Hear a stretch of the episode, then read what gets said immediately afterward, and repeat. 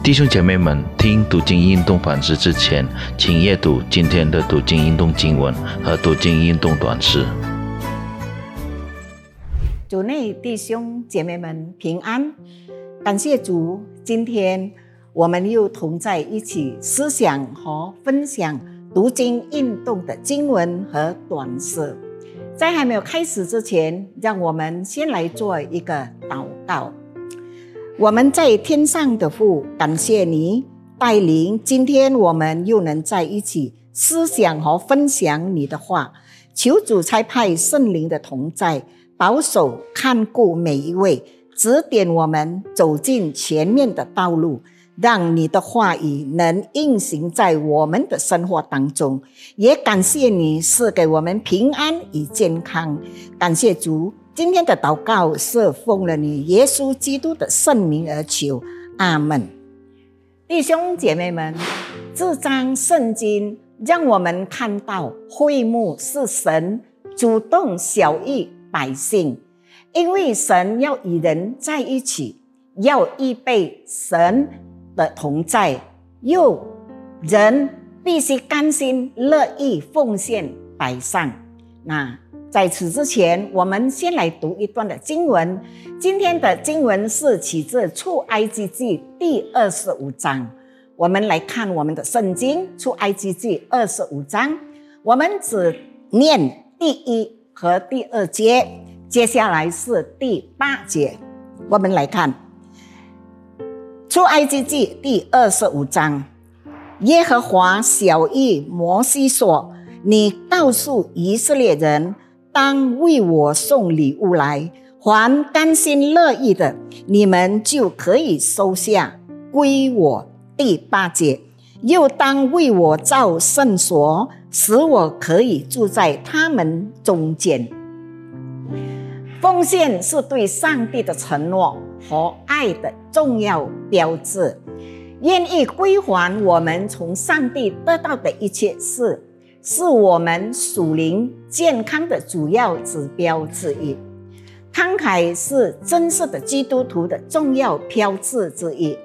一个。不给奉献的基督徒，可能在属灵上不成长。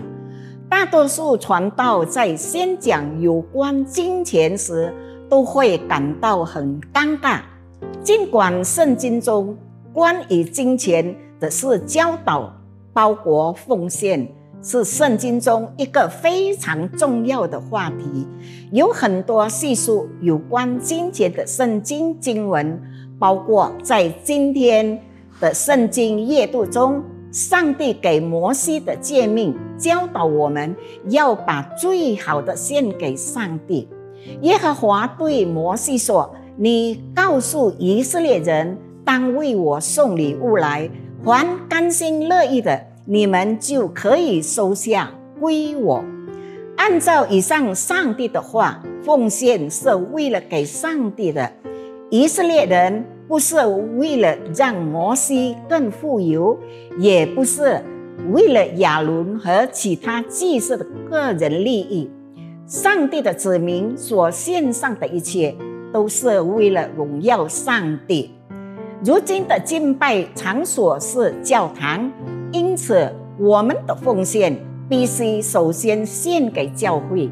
然而，我们所做的实际上只是归还一些我们从那里、上帝那里得到的东西。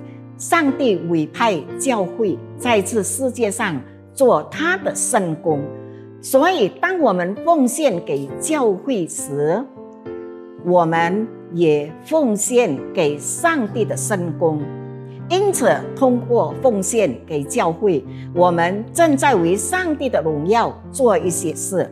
令人奇妙的是，上帝乐意将我们的奉献算作敬拜的行为。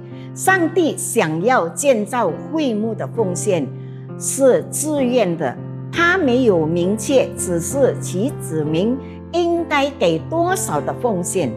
上帝让他的子民自由的奉献，让他们自己决定要给上帝多少。上帝要我们自愿奉献。耶和华说：“还甘心乐意的，你们就可以收下，归我。